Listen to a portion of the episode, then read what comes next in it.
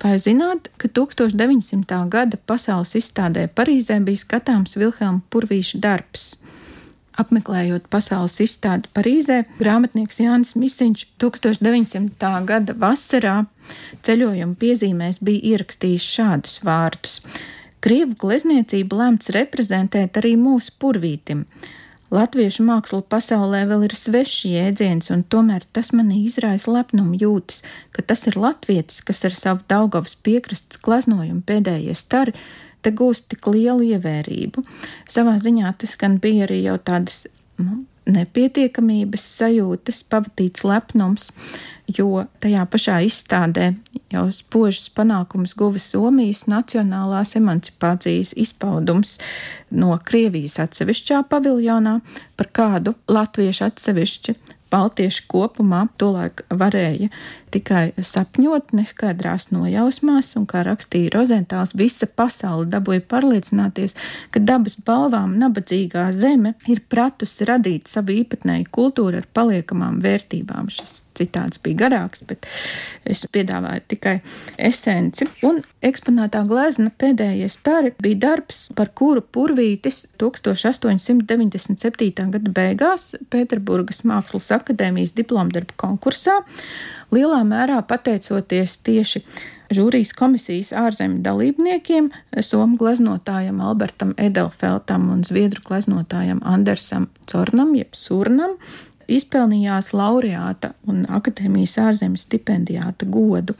Un Rozentāls tolaik Rīgas vācu avīzē Tjuna Caitung par šo gleznu bija iedvesmoti rakstījis: Rietošās saules pēdējie stari apgaismo plašo tāli, trīsuļo virs baznīciņas zaļā jumta pie dziļas zilās upes, noglāsta priekšplānu pēdējo sniegu un pārslīd smaržīgajiem apšu stumbriem, kas stiep saules apspīdētās zarotnes pretī debesīm. Te nav ne lāsītis no saldi sentimentāls poēzijas. Viss kopums ir plaši tverts un dziļi izjusts. Tajā dus nopietna mūzika. Un par labāko gleznu izstādē to toreiz bija atzinis arī ietekmīgais Sergejs Ķegaļovs, kas to daļu jau iesaistīja purvīti savos vietējos un starptautiskajos mākslas projektos. Diplomdarbs tolaik palika akadēmijas muzejā, un uh, no tā gadsimta mijā tad arī ceļoja uz pasaules izstādi Parīzē, uz Krievijas mākslas nodaļu. Taču tas bija pazīstams arī pirmajiem purvīšu mākslas cienītājiem Latvijā, jo tūdaļ pēc uzgleznošanas kopā ar Valteru Tirgu Jāgavā un citiem viņu abu darbiem bija parādīts vispirms improvizētā izstādē Jāgavā, pirms aizvešanas uz Pēterburgu, un pēc tam ar akadēmijas atļauju jau 1898. gada beigās arī atceļoja uz Rīgu, uz Rīgas mākslas biedrības salona atklāšanas izstādi.